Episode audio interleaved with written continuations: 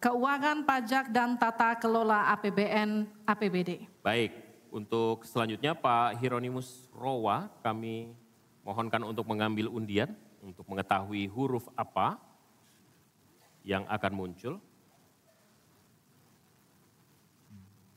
B, ya. Baik, terima kasih. Kita akan ambil dan buka amplop pertanyaan sesuai dengan undian dan Silahkan amplopnya masih tersegel. Kami ingatkan kembali, mohon disimak baik-baik karena kami hanya akan membacakan pertanyaan satu kali. Pertanyaan untuk calon wakil presiden nomor urut 2, Bapak Gibran Raka Buming Raka. Untuk subtema keuangan, pajak, pengelolaan APBN dan APBD. Hanya sepertiga APBN yang dapat digunakan untuk membiayai pembangunan. Padahal janji kerja program paslon memerlukan biaya tinggi. Pertanyaannya, mana yang menjadi pilihan prioritas anggaran? Pembangunan infrastruktur fisik atau pembangunan kualitas SDM dan ekonomi rakyat? Waktu Bapak untuk menjawab dua menit, kita mulai ketika Bapak mulai berbicara. Baik, terima kasih. Tidak semuanya harus menggunakan APBN. Contoh IKN, banyak yang gagal paham. Tidak 100% pembangunan IKN itu menggunakan APBN. Yang digunakan hanya 20%. Sisanya adalah investasi dari swasta dan investasi dari luar negeri. Ini yang banyak yang gagal paham. Lalu kita mengacu ke pertanyaan, infrastruktur fisik atau SDM, dua-duanya penting. Dan dua-duanya harus dijalankan secara paralel. Karena sekali lagi untuk menuju Indonesia emas dibutuhkan generasi emas. Kita butuh future talents yang menguasai future skills. Untuk itu di tingkat SMK misalnya kita perlu alat-alat yang ada di SMK itu bisa memenuhi kebutuhan zaman, kebutuhan industri. Sehingga ketika anak SMK lulus, mereka benar-benar bisa siap kerja, siap menerima tantangan kerja. Lalu untuk fisik tidak selalu harus dari APBN sekali lagi. Bisa kolaborasi misalnya dengan swasta, dengan CSR. Jadi tidak semuanya harus dibebani oleh APBN.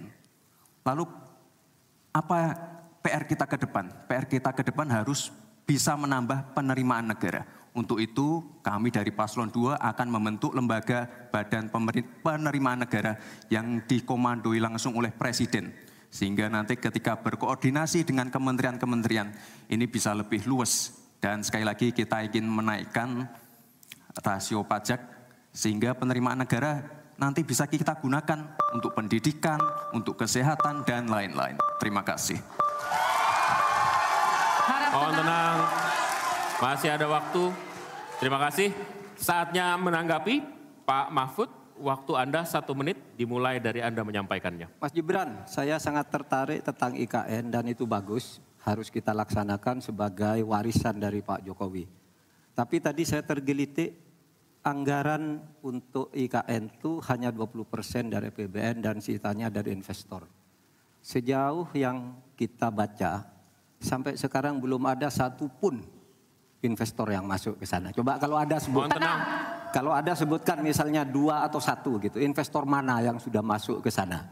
Yang saya dengar justru ada ratusan ribu hektar tanah sudah dikuasai oleh pengusaha-pengusaha tertentu sekarang ini. Nah, saya setuju ke depannya itu agar mengundang investor, IKN harus diteruskan tetapi pendanaannya harus sesuai dengan tujuan semula bahwa itu sebenarnya mengundang investor. Tapi sekarang ini yang sudah jadi itu semuanya dari APBN. Sehingga memang diperlukan langkah-langkah perbaikan agar warisan baik Presiden Jokowi ini bisa kita lanjutkan. Terima kasih, selesai. Baik. Terima kasih. Mas, kita masih lanjut. Masih lanjut. Mohon tenang. Selanjutnya giliran calon wakil presiden nomor urut satu Bapak Muhaimin Iskandar untuk memberikan tanggapan waktu Anda satu menit. Kita mulai oh. ketika Anda mulai berbicara. Mohon tenang, tenang dulu. Iya. Saya baru tahu kalau boleh di sini juga. supaya lebih dekat sama panelis. Bisa mulai. Jadi saya setuju bahwa yang paling penting bukan soal infrastruktur dulu atau SDM dulu. Yang paling penting dari ini adalah kemampuan membaca skala prioritas. Seluruh proyek-proyek besar yang ambisius, ini IKN sebagai salah satu contoh saja, itu kalau hanya mengandalkan APBN hampir 500 triliun. Padahal satu persen saja dari dari 400 sekian triliun itu untuk bangun jalan seluruh Kalimantan beres. Membangun seluruh kota-kota di Kalimantan beres. Dan yang paling penting infrastruktur yang untuk SDM tiga persen aja dari seluruh anggaran IKN itu bisa membangun sekolah dengan baik di seluruh Kalimantan. Itu contoh kemampuan mengambil skala prioritas. Oleh karena itu Habis skala waktunya. prioritas sangat penting. Mohon tenang. Sekarang kita berikan kesempatan kepada kita berikan kesempatan kepada Pak Gibran untuk menanggapi atas tanggapan yang sudah disampaikan. Silahkan. Baik, saya izin menanggapi Gus Muhaimin dulu.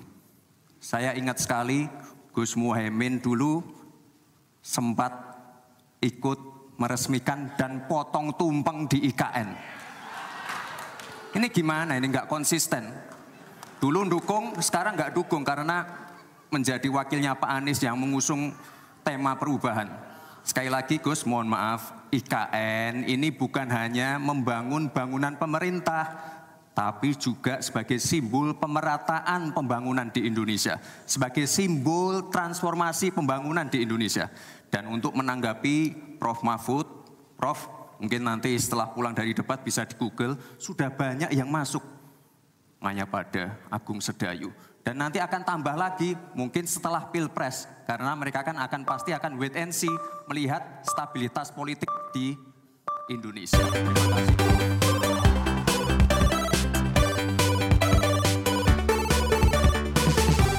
Wow, wow, wow, wow. Oke, kita masih di FOMOin debat cawapres. Ya, di segmen kedua ini terasa seperti naik tensi. Eh, eh, Dikit-dikit ya, Iya, dikit-dikit iya. mulai Iya, naik. iya, udah Pak Yanuar, naik ya.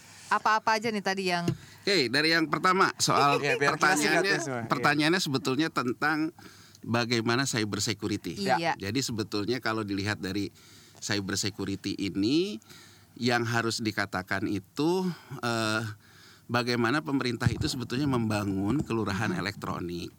Ya, jadi artinya eh, Pak Mahfud tadi bilang bahwa pemerintah harus berperan, tapi sebenarnya dalam poin ini Gibran yang menangkap pertanyaan sih, Betul, Yap, iya, bahwa iya. dia dia menjawab bahwa untuk melindungi data pribadi perlu dibangun cyber security. Kalau Pak Mahfud tadi soal pinjol, oke sekarang kita berangkat dari pinjol.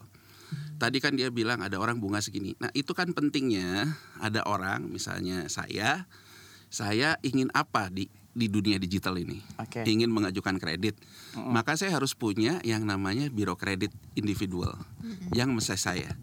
Jadi nanti ada yang namanya eh, security number anggota warga digital. Ekonomi digital juga men- men- harus mengada yang namanya security termasuk profil saya. Ya. Jadi begitu saya misalnya masuk ke sebuah situs pinjol, kalau saya tidak sesuai dengan kriteria itu, saya harus di reject. ya ya. Di situlah unsur pidananya. Tadi kan Ya. Pak Mahfud susah- sulit mengatakan pidana. Kemudian tadi menurut saya Caimin terlalu banyak gimmick ya di sini ya. Jadi akhirnya banyak yang miss dari dia gitu ya. Jadi banyak yang miss dalam poinnya kelihatan terlalu pengen eh, banyak gimmick eh, Kayak anak terlepas. muda ya. Kayak anak muda gitu. Tapi tidak menjawab apa-apa juga. Kemudian pertanyaan kedua tentang investasi gitu ya. Dan investasi ini nah tadi Pak Mahfud sebetulnya eh, ke poinnya. Jadi kalau Gibran tadi mengatakan kita harus mengakui kelihatannya Gibran cukup dibekali oleh pakar-pakar yang mumpuni. Iya, iya. Jadi cukup dapat training yang cukup baik gitu. Jadi cara cara menjawabnya kelihatannya dia sudah cukup banyak dapat training gitu ya. Eh, ya tentu tidak bisa dipungkiri juga berarti dia juga bisa menerima trainingnya. Berarti dia juga punya kapasitas Ya. itu gitu. Tapi bahwa dia kelihatan sekali eh, penuh persiapan. Jawaban-jawabannya terukur dan sebagainya. Nah, tapi Pak Mahfud juga bagus gitu. Jawaban terukur Gibran itu jawaban ekonom banget Iya. Jawaban orang yang memang gini loh mas, gini loh mas gitu. Sudah ada- nah, ada bekal. Pak Mahfud sebagai orang lapangan juga menyerangnya ini soal konflik of interest. Iya, iya. Iya, iya. Bahwa investasi itu ternyata yang kebagian ya kalau bahasa gampangnya 4L deh. Iya.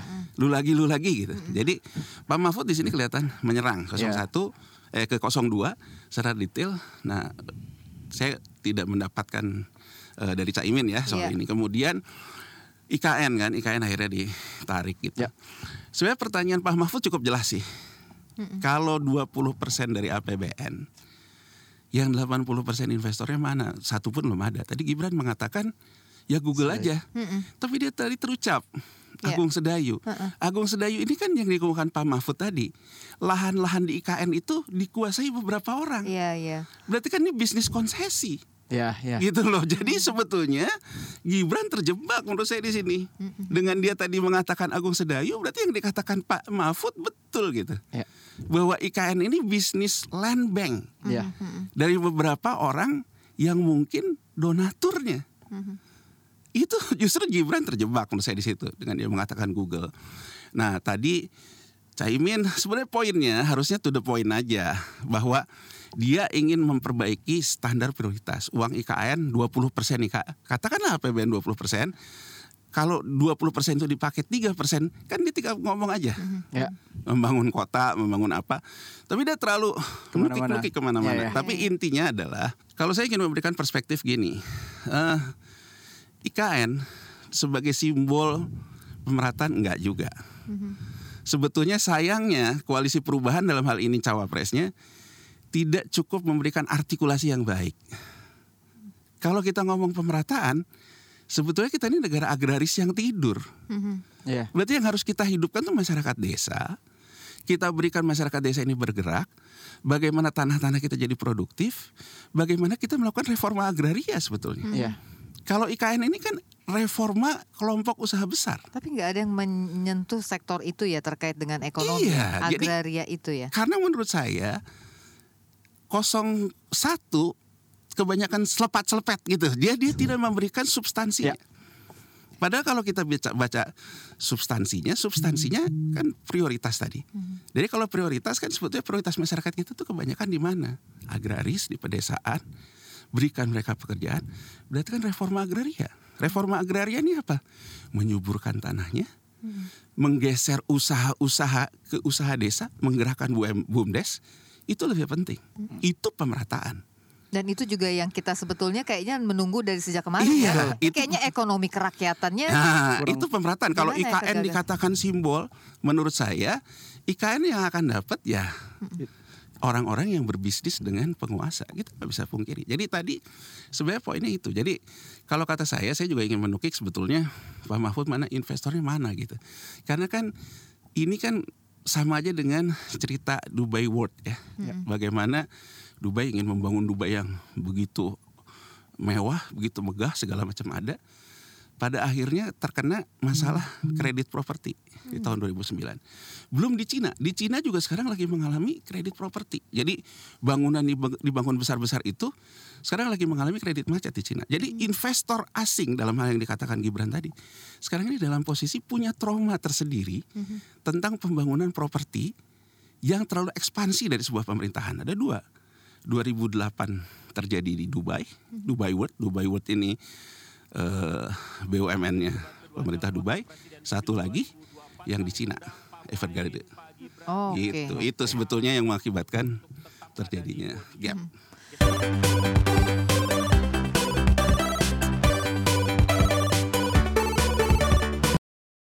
Pertanyaan untuk calon wakil presiden nomor urut 1, Bapak Muhaimin Iskandar.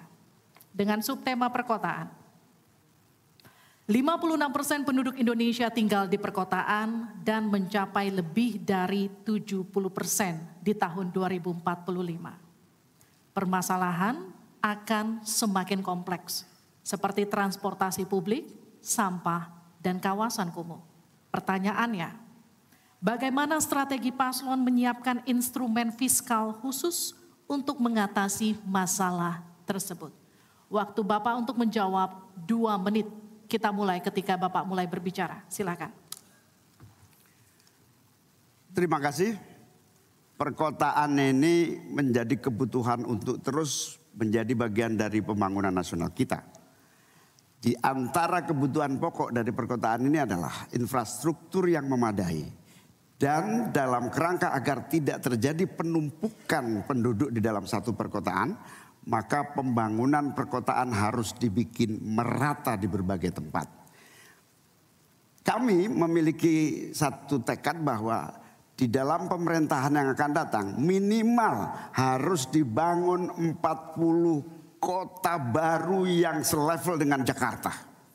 Dengan kemampuan menampung jumlah penduduk, memberikan sarana dan prasarana yang memadai, sekaligus kemampuan untuk terjaganya lingkungan yang memungkinkan untuk sehat. Termasuk kehidupan yang memberikan kenyamanan bagi seluruh penduduknya. Di mana perumahan tidak terlampau jauh dari pusat-pusat pekerjaan, di mana akses pendidikan bisa sampai pada uh, yang dibutuhkan. Sementara fiskal yang dibutuhkan, kita harus pandai-pandai mengambil prioritas. Sekali lagi, kita bukan setuju atau tidak setuju IKN. Yang paling penting adalah prioritas kepemerataan dan keadilan agar terbangun kota-kota sehingga sarana air bersihnya terwujud. Balikpapan kasihan, Banjarmasin kasihan, Pontianak kasihan. Karena apa? Kota-kota ini dalam waktu singkat bisa kita sulap menjadi lebih baik. Karena apa? Fiskal yang kita sediakan dirata adilkan di masing-masing perkotaan. Terakhir, bahwa perkotaan membutuhkan pendanaan, kita harus libatkan investasi swasta yang kita beri kepercayaan lebih baik lagi. Terima kasih. Saya berikan kesempatan kepada Pak Gibran, Cawapres nomor 2 untuk menanggapi waktu Anda satu menit. Silahkan. Gus Muhaimin ini agak aneh ya. Pengen bangun kota selevel Jakarta tapi nggak setuju sama IKN. Tapi ya monggo lah ya nggak apa-apa. Yang jelas untuk permasalahan perkotaan kita harus menggarap transportasi umumnya. Kita pastikan transportasi umum ini aman, nyaman, terutama bagi kaum disabilitas, lansia, dan anak-anak. Lalu kita pastikan transportasi umum ini ada digitalisasinya. Sekarang kan sudah ada teman bus. Nah ini harus kita replikasi di beberapa kota juga. Lalu untuk mungkin di level-level kota kecil kita pakai skema buy and service. Sehingga masyarakat bisa mencoba menggunakan transportasi umum secara gratis. Lalu untuk masalah kumuh, nah ini perlu kolaborasi BSPS dari Kementerian PUPR, RTLH dari Pemda, dan juga CSR dari swasta. Terima kasih. Harap tenang. Waktu. Terima kasih. Waktu Anda masih tersisa? Habis? Cukup. Ya. Selanjutnya calon wakil presiden nomor urut 3, Bapak Mahfud MD untuk menanggapi. Waktu untuk menanggapi satu menit Bapak. Kita akan mulai ketika Bapak mulai berbicara. Silakan. Ya, Cak Imin, saya agak kaget juga mau membangun 40 kota selevel Jakarta. Ya, apa itu bisa dilaksanakan lima tahun Bapak menjadi presiden dan wakil presiden? Berapa kota dalam lima tahun? Ini IKN aja sudah puluhan tahun baru dilaksanakan. Itu pun yang investasi baru dalam bentuk janji. Belum ada yang melaksanakan. Nah gitu kan. Lalu saudara 40 luar biasa menurut saya 40 kota selevel Jakarta yang sudah metropolitan seperti itu. Lalu juga pembiayaannya menurut Pak Mohaimin. Kalau nanti kita membentuk 40 kota itu pembiayaannya itu APBN, APBD atau perlukah lembaga khusus seperti tadi ditanyakan oleh panelis melalui moderator. Ini perlu dijawab dulu agar semuanya tidak spekulatif Mohon. selesai. Baik. Mohon maaf waktu Anda habis. Kami akan kembalikan ke Pak Muhaimin. Mohon tenang, Tenang. belum selesai. Pak Muhaimin, waktu Anda untuk menanggapi atas tanggapan dari Pak Gibran dan Pak Mahfud. Waktu Anda silakan. Ya, yang saya sampaikan seperti Jakarta itu memiliki standar upaya sampai menuju Jakarta. Di mana tentu kota-kota yang potensial cukup disentuh dengan beberapa anggaran yang menumbuh kembangkan. Misalnya Pontianak, satu tahun cuma satu triliun. Bagaimana kalau satu tahun kita bisa investasikan pengembangan kota hingga 3 triliun, 5 triliun. APBN kita cukup. Apalagi kalau seperti yang sampaikan Pak Gibran tadi, melibatkan berbagai cara pembiayaan yang melibatkan baik itu swasta maupun CSR. Jadi apa yang saya sampaikan selevel Jakarta itu target utama. Tetapi yang lebih penting dari itu adalah infrastruktur yang dibutuhkan dipersiapkan dari potensi yang sudah ada. Sehingga dalam waktu singkat kota-kota 40 kota itu benar-benar sudah menggunakan potensi yang sudah dimiliki yang, yang ada. Habis. Harap tenang, nanti kita akan berikan waktu untuk aplaus. Selanjutnya kita akan beralih ke pertanyaan untuk calon wakil presiden nomor urut 2, Bapak Gibran Raka Buming Raka. Tenang. Dalam lima tahun biaya infrastruktur pada proyek strategis nasional sebesar 2.385 triliun rupiah dari APBN. Sementara untuk infrastruktur sosial seperti sanitasi dan air bersih masih memprihatinkan. Pertanyaannya, Bagaimana strategi paslon untuk memastikan penyediaan infrastruktur sosial tanpa membebani keuangan daerah? Waktu Anda untuk menjawab dua menit, kita akan mulai ketika Anda berbicara. Silakan. Baik, terima kasih. Jika kita bicara masalah sanitasi dan air bersih, ini nanti nyambung ke masalah stunting. Untuk masalah sanitasi, ini perlu kolaborasi banyak pihak Misalnya apa yang sudah saya lakukan di Solo. Kita membangun IPAL komunal di perumahan padat penduduk. Ini penting sekali. Lalu untuk kebutuhan air bersih, kita juga bekerja sama dengan kabupaten sekitar, misalnya dengan Monogiri, Klaten untuk mendapatkan air bersih. Kita juga sekarang sudah ada proyek strategis nasional membangun beberapa bendungan dan embung. Ini nanti juga penting untuk meneruskan program eh, pengairan nasional yang nanti berguna untuk pengadaan air bersih dan juga untuk mengairi sawah. Ke depan masalah sanitasi dan air bersih ini penting sekali karena kami dari paslon nomor 2 ingin menyiapkan generasi-generasi emas yang sehat dan pintar. Kalau kita mengintervensi masalah stunting, kita juga harus mengintervensi tempat tinggalnya juga. Kita tidak bisa hanya memberikan gizi tambahan untuk ibu hamil dan lain-lain, tapi kita tidak menyentuh rumah tinggalnya. Jadi ini harus dikerjakan secara paralel. Stunting kita kerjakan, pemenuhan gizi kita kerjakan, sanitasi, drainase, air bersih, kawasan kumuh, ini harus kita selesaikan juga secara paralel. Terima kasih. Masih ada waktu? Cukup Pak? Cukup. Baik, saya berikan waktu untuk Pak Mahfud untuk menanggapi jawaban dari Pak Gibran. Mas Gibran yang terhormat, tadi itu pertanyaan yang dibaca oleh moderator, bagaimana strategi paslon untuk memastikan penyediaan infrastruktur sosial tanpa membebani keuangan daerah. Kayaknya belum terjawab. Tadi yang dijawab tuh infrastruktur fisik semua tuh. Infrastruktur itu kan ya ada infrastruktur sosial, ya itu yang penting. Kemudian regulasi. Bagaimana Anda menyiapkan regulasi sekarang ini agar semua itu bisa berjalan dengan baik.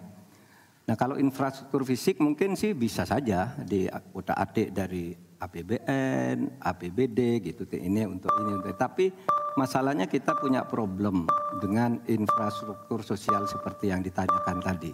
Nah itu saya kira yang perlu dijelaskan lebih jauh selesai. Waktu Anda habis, bah. baik kita akan ke calon wakil presiden nomor urut satu Bapak Muhaimin Iskandar untuk menanggapi waktunya satu menit. Infrastruktur yang disampaikan Pak Gibran menjadi bagian dari yang perlu disediakan. Tapi infrastruktur sosial atau infrastruktur kerakyatan pada dasarnya kita bisa melibatkan semua pihak untuk hadir dan memberikan solusi. Contohnya infrastruktur gedung-gedung sekolah yang memberikan kesehatan, kecerdasan bagi masa depan anak didik kita.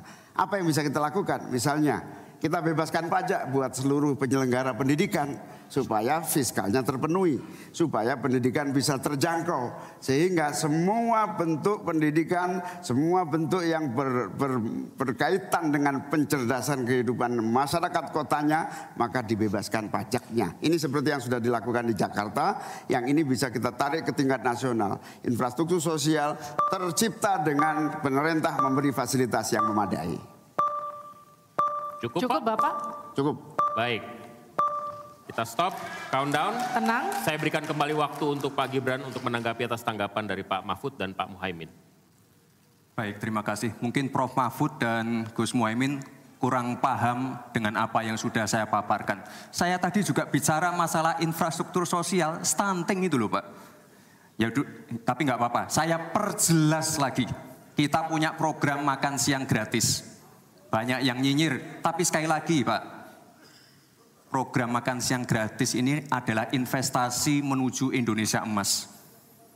Program makan siang gratis 400T ini adalah stimulan untuk ibu-ibu warteg-warteg, warung-warung, catering-catering yang ada di daerah.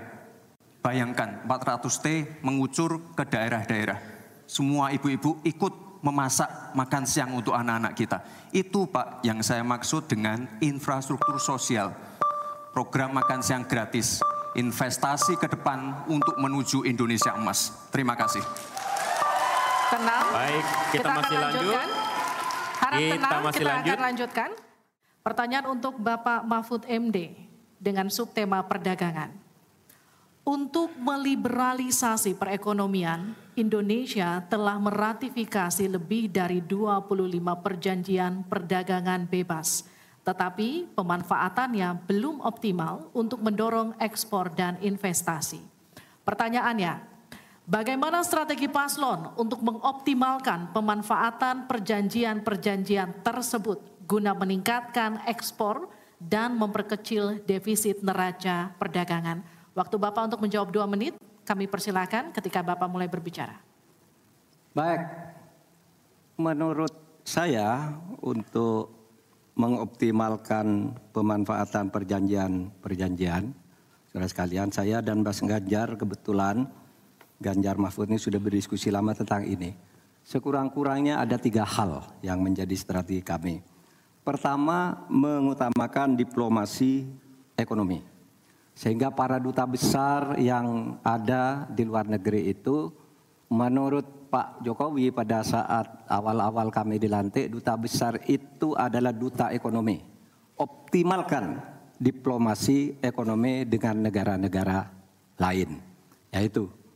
Kemudian yang kedua, juga kami akan melakukan perdagangan untuk mengintegrasikan perdagangan nasional kita ini ke perdagangan global sehingga memenuhi standar-standar internasional untuk setiap apa yang kita punyai mau dimasukkan ke dunia global itu sudah jelas standarnya bisa diterima gitu. Dan kita juga membuat regulasi di sini agar tidak misalnya upaya perdagangan kita lalu diblokir atau dicurangi oleh teman-teman kita sendiri pelaku-pelaku ekonomi di dalam yang berintegrasi atau berkoalisi dengan pejabat-pejabat publik. Kemudian, saudara kalian, kami akan mengutamakan penguatan ekonomi nasional agar ekonomi nasional itu juga bisa tumbuh ke dalam sehingga nantinya masuk dengan strategi kedua tadi bahwa kualitas barang dagangan kita itu bisa diterima di luar negeri dan produktif sehingga juga tidak susah misalnya untuk diterima oleh dunia internasional. Saya kira itu bagian strategi yang sudah kami diskusikan dan selesai. Terima kasih Pak Harap tenang. Mahfud.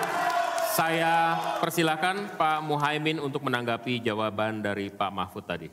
Ya, Pak Mahfud kalau diplomasi sebagai pemasaran itu normatif ya. Ini sudah menjadi pengetahuan umum. Yang paling penting itu adalah bagaimana nyelepet para diplomat berubah wajah menjadi pemasar-pemasar yang tangguh. Diplomasi pemasaran yang ekspansif itu tidak kita miliki. Karena memang seluruh cara kerja diplomasi kita masih politik dan sangat normatif. Yang kedua, kita bisa hadir di dalam dunia perdagangan global kalau kualitas produksi dalam negeri kita juga punya standar yang baik. Saya sampai hari ini sangat prihatin. Kita tidak ada satupun yang terus mengupgrade secara masif kualitas dan standar semuanya kayak dibiarkan tumbuh sendiri-sendiri gitu. Tidak ada satu gerakan yang lebih terstruktur baik dari Menteri Perdagangan, Menteri Koperasi UKM dalam satu gerakan meningkatkan kualitas berstandar internasional. Cukup Bapak? Harap tenang. Selanjutnya kita akan ke calon wakil presiden nomor urut 2, Bapak Gibran Raka Buming Raka untuk menanggapi waktunya satu menit. Silahkan. Baik, terima kasih. Paslon nomor 1 dan 3 sudah bicara masalah diplomasi. Saya akan memberikan solusi yang konkret aja. Paling konkret, hilirisasi. Kita jangan mau lagi mengirim barang mentah.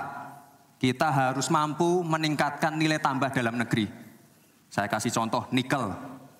Dulu sebelum ada hilirisasi, kita ekspor hanya 3 miliar US dollars. Sekarang setelah hilirisasi bisa menjadi 33 miliar US dollars. Ini saya baru bicara masalah nikel loh Pak. Belum bicara masalah tembaga, boksit, timah, dan lain-lain. Konkret, jelas, singkat, padat, jelas. Terima kasih. Waktu Anda masih tersisa? Cukup?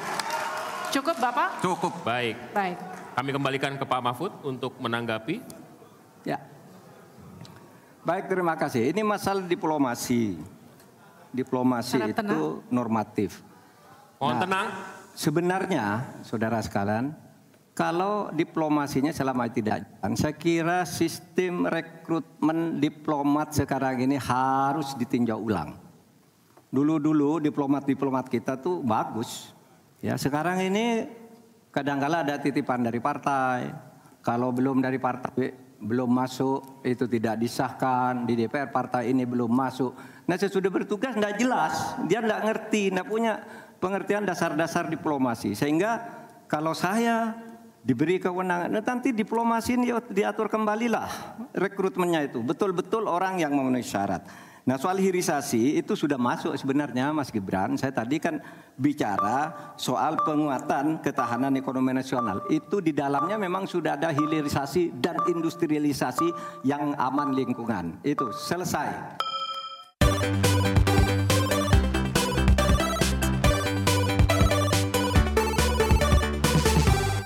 Kita sudah usai di segmen ketiga. Oke, kita udah setengah jalan. Iya. Anda bisa lihat bagaimana penampilan Eki sudah mulai agak gemes kayaknya ya. gemes kita ngeliat Eki. Iya, bingung juga. Lebih ke tadinya sih tiga-tiganya nih udah lebih dalam tapi beberapa hal masih belum terjawab dengan baik ya. Tapi Betul. Nanti- tadi ada beberapa data yang udah keluar juga. Nah, terus tadi uh, teman-teman mungkin wah itu yang disampaikan bisa dicek apa enggak sih? Ah ya, coba kita cek faktanya dulu ya. Ini Iya. kalau teman-teman masuk ke kbr.id, kami juga melakukan live blog di sana. Iya. Dan juga ada atau bisa masuk ke cekfakta.com. Iya. eh, di mana KBR juga ikut di dalam eh, fact checking ya bersama sejumlah media lainnya Iya. di pemilu 2019 dan kita lanjutkan di sekarang ini. Mungkin ini udah aku bacain singkat aja ya. Iya, Cek fakta dari debat malam ini misalnya Mahfud MD tadi mengatakan Pulau Madura kaya gas alam tapi tidak dioptimalkan. Ya, ini ada data dari pemerintah Provinsi Jawa Timur kalau gas alam di Madura itu memasuk 60% kebutuhan industri di Jawa Timur gitu ya.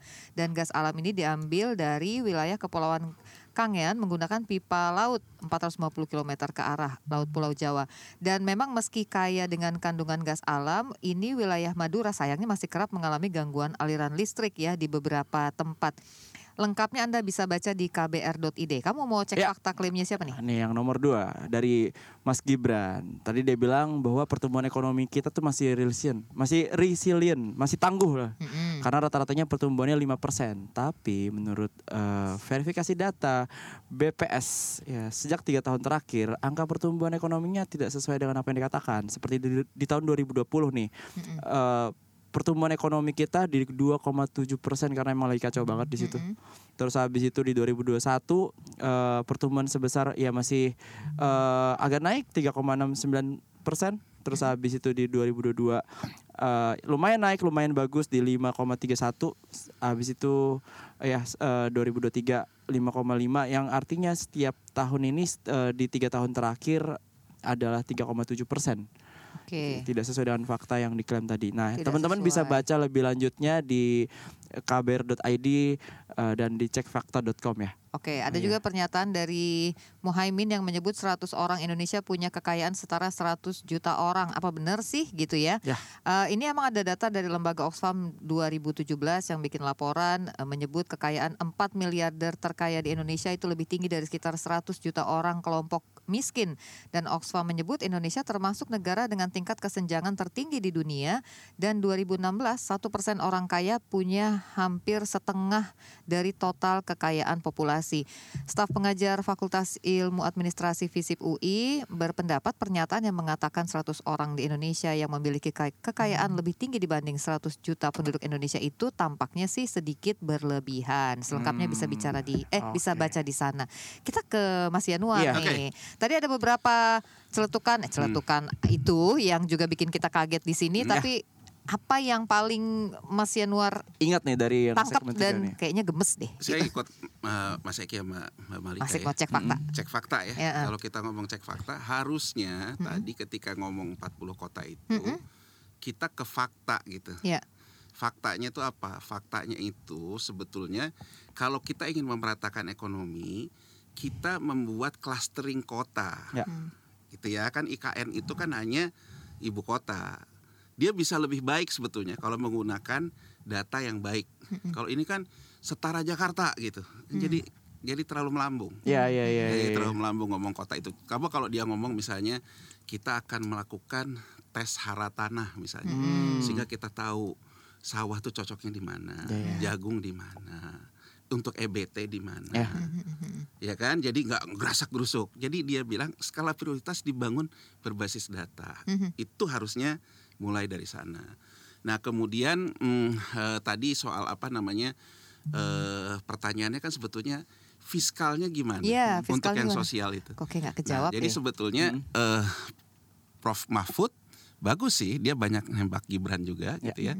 Ya ini yang ditanyain kan sebetulnya soal infrastruktur sosial, Sosial. tentang fiskalnya. Gibran dia eh, tadi mengatakan soal stunting makan gratis, tapi sudah tidak menjawab fiskalnya dari mana. Nah Imin sebetulnya di antara semua per eh, Caimin, Gus Imin dari semua performa malam ini, Lumayan ya. dia agak-agak nyambung di sini sebetulnya Lumayan. agak lumayan. ada yang tes. ada yang tes karena dia menjawab bahwa untuk soal fiskalnya misalnya membebaskan pajak sekolah-sekolah itu kan fiskal Ya, jadi ya, ada ya. insentif ada disinsentif Iya. Jadi kalau kalau Gibran tadi sebetulnya oke programnya namanya makan gratis susu tapi fiskalnya gimana? Dia tidak menjawab. Jadi kalau Imin tadi sebetulnya menjawab tuh. Fiskal salah satu yang dia bilang adalah menggratiskan sekolah. Itu fiskal berarti insentif pajak gitu. Nah terus tadi yang terakhir soal diplomasi, perdagangan bebas dan sebagainya, soal duta besar dari eh, Prof. Mahfud akan gini, eh, terus Gibran mengatakan hilirisasi. Sayangnya Prof Mahfud menghabiskan waktu terlalu banyak ke ngebahas Caimin Iya. soal mendisiplinkan eh, duta besar. Dia akhirnya ngomong soal ini.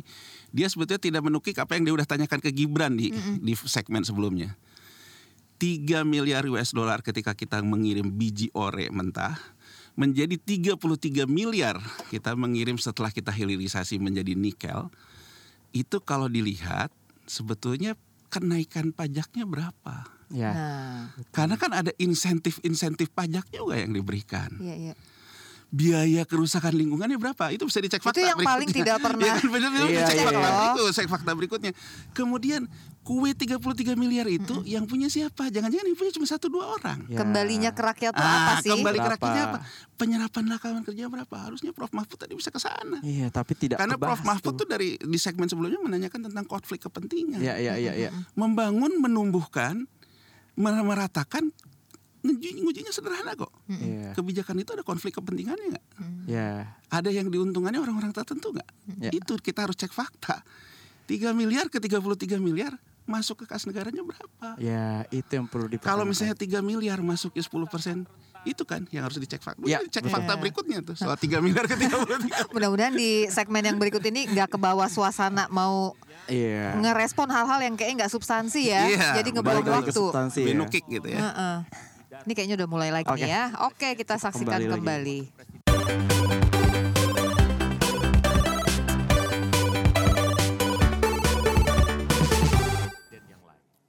Jawaban pertanyaan akan ditanggapi oleh cawapres penanya dan selanjutnya akan direspon kembali oleh calon wakil presiden yang menjawab. Tapi kami kembali mengingatkan kepada para calon wakil presiden untuk melakukan tanya jawab sesuai dengan tema debat, yakni ekonomi kerakyatan dan digital, keuangan, investasi, pajak, pengelolaan APBN dan APBD, perdagangan, infrastruktur, dan perkotaan. Sebelumnya kami undang Bapak-Bapak calon wakil presiden untuk maju lagi ke podium. Kita akan mulai segmen ini segera. Sesuai dengan urutan tadi, kesempatan pertama akan diberikan pada calon wakil presiden nomor urut 2, Bapak Gibran Raka Raka untuk bertanya kepada calon wakil presiden nomor urut 3, Bapak Mahfud MD. Waktu Bapak satu menit dimulai dari Anda berbicara. Baik, terima kasih. Ini karena Prof. Mahfud adalah ahli hukum, saya ingin bertanya bagaimana regulasi untuk carbon capture and storage. Cukup? Cukup Bapak? Baik. Baik. Silakan Bapak Mahfud untuk menjawab. Waktu Anda untuk menjawab adalah dua menit. Kita akan mulai ketika Bapak mulai berbicara. Silakan. Baik, eh, Mas Gibran yang terhormat, regulasi itu kalau orang ahli regulasi itu tidak harus spesifik satu persatu itu kecuali proyek pembuatan regulasi itu sudah ada, ya. Proyek perbuatan regulasi sudah ada. Eh, kita harus buat ini baru dibuat regulasinya bagaimana? Bagaimana cara regulasinya? Satu, membuat naskah akademik dulu. Naskah akademiknya apa? Naskah akademik, itu kalau me- me- me- mengikuti pola yang sederhana aja, pakai aja kasus RUKTIPI namanya. Kalau di dalam ilmu perundang-undangan itu, misalnya regulasi yang sudah ada bagaimana, kalau belum ada bagaimana. Kemudian opportunity-nya bagaimana. Kemudian kapasitas lembaganya bagaimana. Kemudian komunikasi publiknya bagaimana. Kemudian eh, eh, eh, ideologisnya bagaimana. Itulah yang disebut procipi dan prosedur tentu saja. Nah itu yang akan kita buat kalau saya ditanya bagaimana mengatur soal regulasi undang-undang tentang karbon dan sebagainya bukan hanya karbon dan dan itu. Jadi itu yang akan eh, kita lakukan. Tetapi sebenarnya ya yang terpenting itu bagi saya apa pun apa pun yang akan kita bangun itu kan harus ada sistem pengawasan keuangan. Barangkali Mas Gibran sudah tahu atau belum tahu juga karena ini baru. Pada tanggal 9 Desember kemarin itu sudah ada sebuah sistem SIPD namanya, Sistem Informasi Pemerintahan Daerah yang itu mengaitkan dengan APBN dan sebagainya sehingga ada pengawasan pengawasan terhadap uang itu mulai dari perencanaan, pelaksanaan sampai evaluasi dan sebagainya. Nah, itu saya kira pedoman utamanya. Selesai. Cukup. Baik, Harap tenang. masih belum Kita selesai. lanjutkan. Ini masih belum selesai nih. Kami berikan kesempatan kembali kepada Pak Gibran untuk menanggapi. Baik, terima kasih Pak. Kalau masalah SIPD ya tentu saya tahu Pak. Saya kan wali kota Pak. Saya pasti pakai SIPD untuk perencanaan anggaran kami Pak. Tapi kembali lagi ke pertanyaan saya Pak. Pak Prof Mahfud menjawab dua menit. Tapi pertanyaan saya belum dijawab sama sekali Pak. Apa regulasinya Pak untuk carbon capture and storage? Simple sekali Pak pertanyaan saya Pak. Mohon dijawab Pak. Dijawab sesuai pertanyaan yang saya tanyakan Pak. Nggak perlu ngambang ke mana-mana Pak. Terima kasih. Baik, cukup ya Pak ya. Kita lanjutkan. Silakan Pak Mahfud. Jadi begini Mas Gibran, di dalam ilmu hukum, misalnya saya tanya kepada Anda sekarang ya, bagaimana cara membuat aturan tentang antariksa nasional? Anda pasti tidak tahu. Jawab sekarang coba kalau pasti tidak tahu. Karena ya, Harap tenang.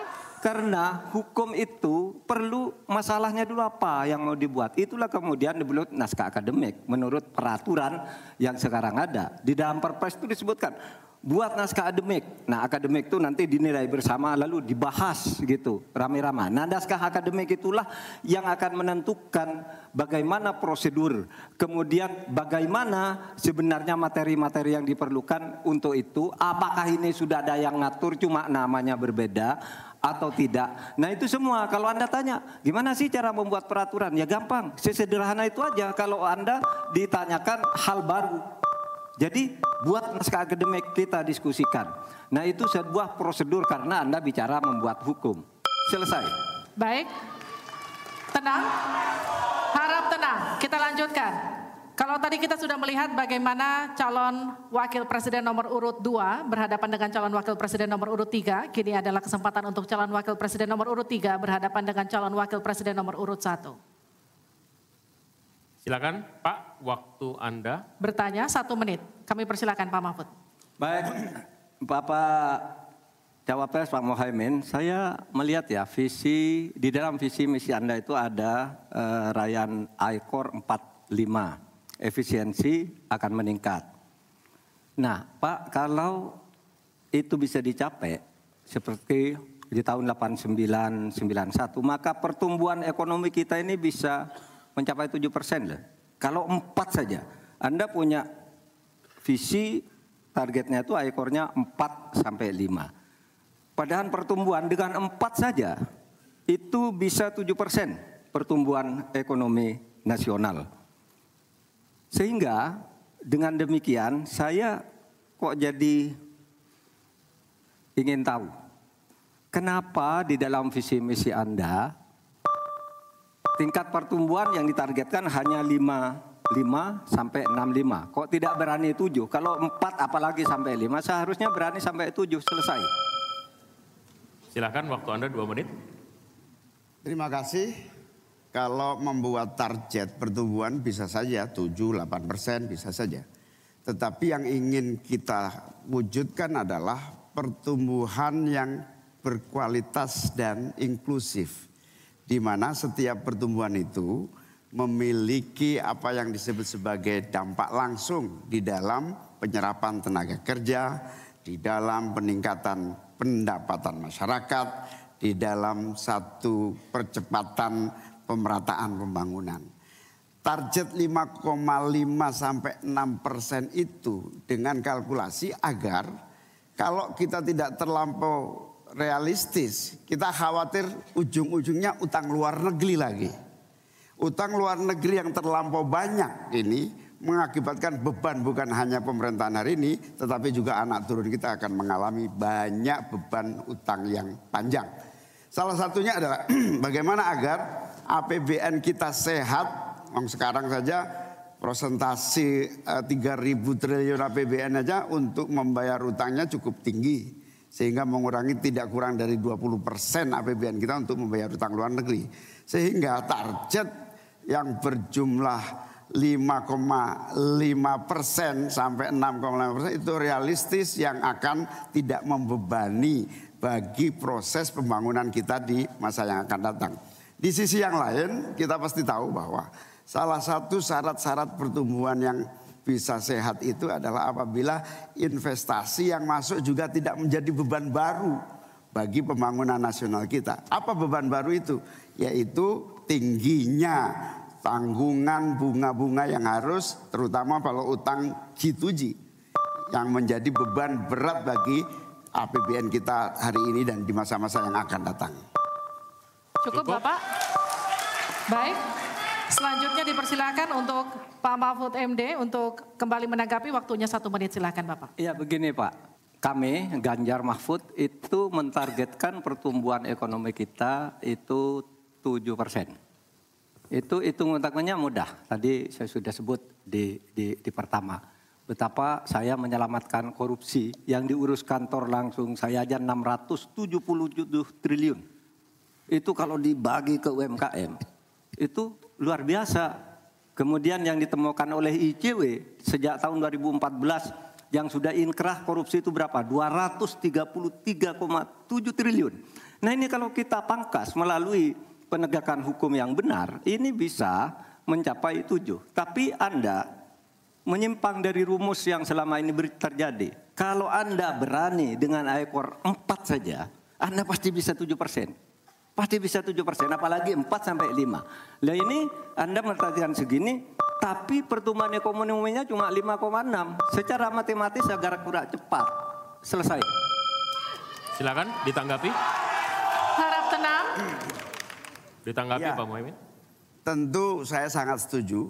Bukan hanya pemberantasan korupsi yang membawa pemasukan bagi APBN kita, menjaga kebocoran APBN kita, tetapi juga pendapatan negara bukan pajak yang juga menjadi bagian dari andalan. Akan tetapi kita juga harus realistis bahwa 7% itu bisa jadi cuman omong kosong di mana Kenyataannya setelah APBN kita jalan sampai hari ini aja 5% yang diterapkan oleh pemerintah hari ini juga masih mengalami banyak kontraksi. Dalam arti utang luar negeri masih menjadi andalan utama. Sekaligus kita juga men- menyaksikan bagaimana 5% itu realnya di lapangan tidak sampai 5%. Sehingga saya khawatir kalau target 7% itu dipaksakan ujungnya bukan pertumbuhan yang sehat tetapi pertumbuhan semu yang keropos. Baik, Tenang, kita lanjutkan. ya. Interaksi antara tiga dan satu sudah selesai. Sekarang giliran interaksi antara satu dan dua. Pak Muhaimin silahkan bertanya kepada Pak Gibran dan kemudian akan ditanggapi. Waktu Anda satu menit untuk bertanya. Terima kasih Pak Gibran. Pak Gibran ini telah berhasil menjadi wali kota sekaligus pengusaha yang sukses. Bahkan berbagai proyek-proyek besar telah berhasil dibangun di eh, Solo. Ini menjadi prestasi tetapi kita ingin prestasi ini ditularkan kepada yang lain. Saya ingin Pak Gibran menyampaikan tips and tricks agar bupati, wali kota dan pemerintah daerah yang lain bisa belajar agar proyek-proyek besar bisa di, ada dimasukkan di kota Solo. Bagaimana caranya ini? Tenang, itu. Cukup? Cukup. Baik. cukup. Silahkan waktu Anda. Pak Gibran, waktu Anda dua menit untuk menanggapi. Baik Gus Muhaimin, saya jelaskan ya. Sekarang Indonesia itu sudah memulai yang namanya pemerataan pembangunan. Yang dibangun bukan hanya Solo saja. 53 persen investasi kita sudah ada di luar Jawa. Kalau kita pengen fair ya Gus, jumlah Tenang, Mohon tenang, tenang, mohon tenang, tenang. tenang, jumlah jumlah proyek jumlah anggaran yang digelontorkan ke Solo sebelum saya jadi wali kota itu lebih besar. Saya tahulah ini arah pertanyaannya ke mana. Tapi yang jelas ini Gus, apa yang sudah dibangun, yang kita lihat bukan bangunan fisiknya saja. Tapi kita lihat impactnya ke warga. Bangun masjid menggunakan CSR dari Abu Dhabi. Impactnya apa? UMKM kita sekarang melesat, wisata kita melesat. Kemarin waktu Idul Fitri, kunjungan wisatawan ke Solo melebihi Jogja. Itu impactnya. Lalu kita lihat, kita punya kebun binatang Solo Safari, tidak pakai APBN. Masjid tidak pakai APBN. Tapi impactnya apa? Impactnya ke masyarakat. Jadi yang kita lihat ini Gus, tidak perlu tendensius seperti itu. Kita lihat impactnya ke warga seperti apa. UMKM meningkat, kesejahteraan meningkat, lapangan pekerjaan terbuka. Itu yang kita lihat Gus. Jadi tidak tidak melihat, oh ini dia anak emaskan. Enggak. Pemerataan pembangunan itu sudah terjadi di mana-mana, bukan hanya di Solo. Dan itu fakta loh Gus. Proyek di Solo sebelum saya menjabat itu lebih banyak. Fakta itu. Terima kasih. Harap tenang, kita akan lanjutkan. Masih lanjut ini, masih lanjut ini. Silakan Pak Muhaimin untuk menanggapi waktunya satu menit. Ya, yang saya tanyakan belum dijawab. Saya itu Tenang, saya itu tanya tips and triknya agar investasi ataupun eh, proyek-proyek besar bisa di sana. Sebab saya lihat itu ada 32 proyek pemerintahan pusat, ada juga berbagai program-program yang luar biasa, patut patut patut kita banggakan. Dibandingkan dengan misalnya Kota Madiun yang hanya 11 persen, Cirebon hanya 7 persen, Tasikmalaya. Kita ingin triknya apa? Sehingga akses pendanaan pembangunan itu bisa bersifat adil dan merata, bukan hanya di satu kota, Harap tenang, tapi tenang. berada di seluruh. Kita lanjutkan. Ini yang menjadi catatan saya adalah keadilan dalam melaksanakan APBN. Kalau kita jadi pemerintah pusat nanti, tugas kita adalah membagi secara adil seluruh proyek-proyek nasional kita. Cukup? Cukup. Silakan Pak Gibran untuk menanggapi. Waktunya satu menit, silakan. Mohon tenang, mohon tenang. Baik Gus, saya jawab lagi. Sebelum ada proyek dari pusat masuk, ki- kita ya, para wali kota ya harus menyiapkan yang namanya readiness kriteria. Kalau nggak ada itu, nggak mungkin proyek itu masuk. Dua, kita sebagai wali kota harus menyiapkan hal-hal non teknis, relokasi, nego dengan warga-warga bantaran sungai, bantaran rel kereta api. Itu Gus. Satu. Lalu kita juga harus berkolaborasi. Tidak semuanya pakai APBN. Ada yang pakai APBN plus APBD plus dibantu. Saya sering dibantu Pak Ganjar, gubernur saya. Ini kolaborasi. Jadi tidak semuanya APBN. Ini kolaborasi. Ada CSR juga, ada BUMN juga. Ini kolaborasi. Dan sekali lagi sebelum itu masuk, kami para wali kota menyiapkan readiness kriteria.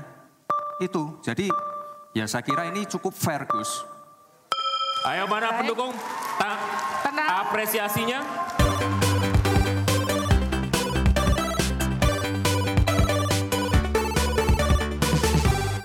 Oke, kita balik lagi segmen yang penuh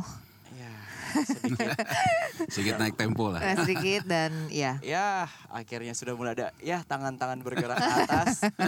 Itu yang uh, anak-anak tunggu. apa nih yang eh, Mas Yanuar lihat eh, dari tanya jawab antar cawapres ya? Hmm. Pertama Gibran ke eh, Prof Mahfud ya. Menurut saya Prof Mahfud tidak paham apa itu carbon capture Iya. sama carbon storage. Lihat juga muter-muter. Sehingga ya. akhirnya dia muter-muter di bagaimana membentuk hukum. Regulasi. Ya, regulasi. Jadi sebetulnya dia tidak paham dan dan Gibran sebenarnya cuma ingin menunjukkan itu. Ya. Bahwa Prof Mahfud tidak paham tentang carbon capture dan carbon storage. Sementara kan itu bagian dari ekonomi iklim. Dan ini topiknya soal ekonomi kan. Iya iya. Nah, karbon berarti kan sebetulnya carbon capture, carbon storage itu berapa yang bisa dihemat emisi rumah kaca oleh oleh misalnya pengusaha batu bara.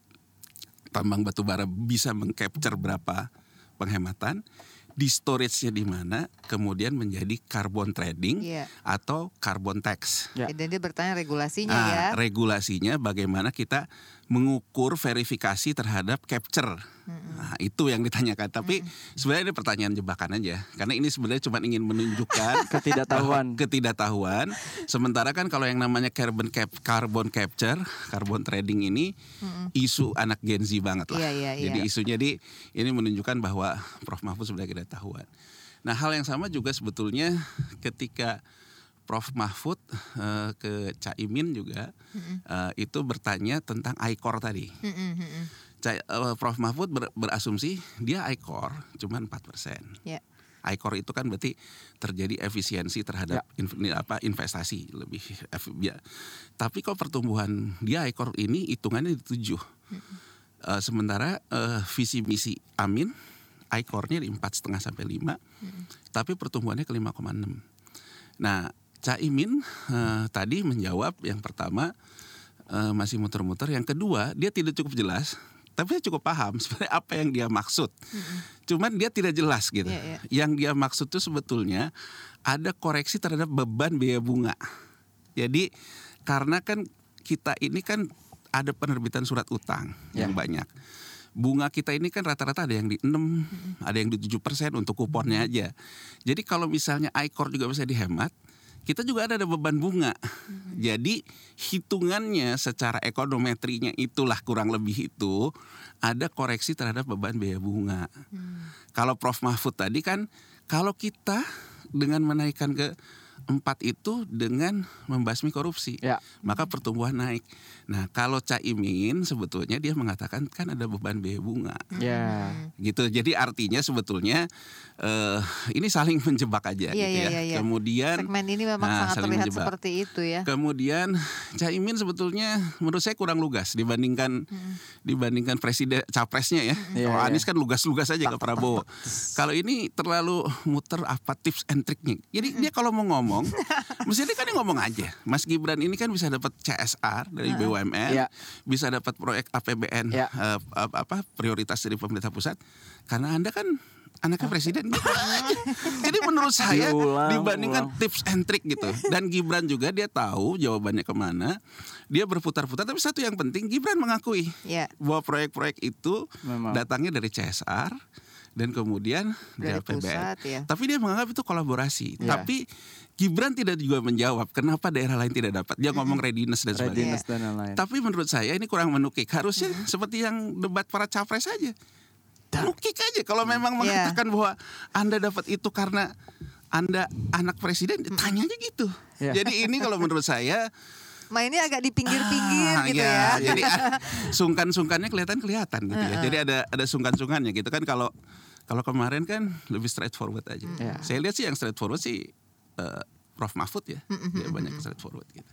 Oke, kita mau sapa teman-teman yang ada di Ya. daerah yang bersama kami di ini ada ada komen dulu kali ya kita Boleh, baca boleh, boleh, ya. boleh. Ada siapa aja nih di akun YouTube? Ada M Syafudin 77951 ini kayak nama eh, ini ya username buzzer ya. Secara fakta memang pertumbuhan Indo nggak sampai 7 Tahun 2021 kemarin hanya naik di 4,9.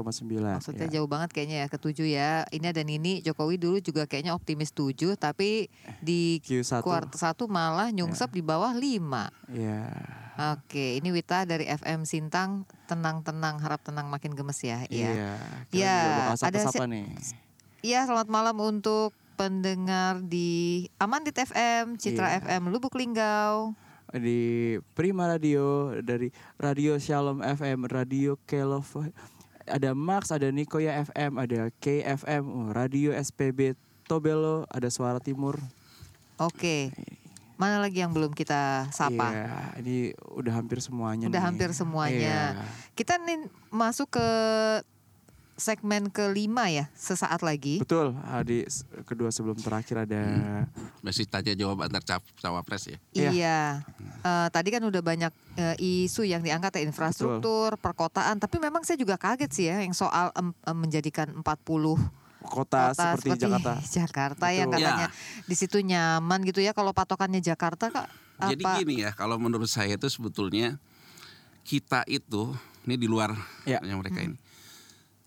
IKN menurut saya itu harus dampak dari kita melakukan pemetaan ulang terhadap tata ruang. Iya, iya, iya, iya. Kalau ini kan langsung IKN, seolah-olah IKN lah penyebab terjadinya pemerataan. Kalau kita melakukan pemetaan tata ruang, gitu ya, IKN itu salah satu dampak. Nanti Dari- ada kota yang memang untuk pertanian untuk apa? Ya. Itu sebetulnya. Cuman terlalu melambung ngomongnya gitu. Jadi based on data ya harusnya. Ya, Baik, sepertinya sudah akan mulai lagi segmen Di selanjutnya. Segmen kelima. Kita simak kembali.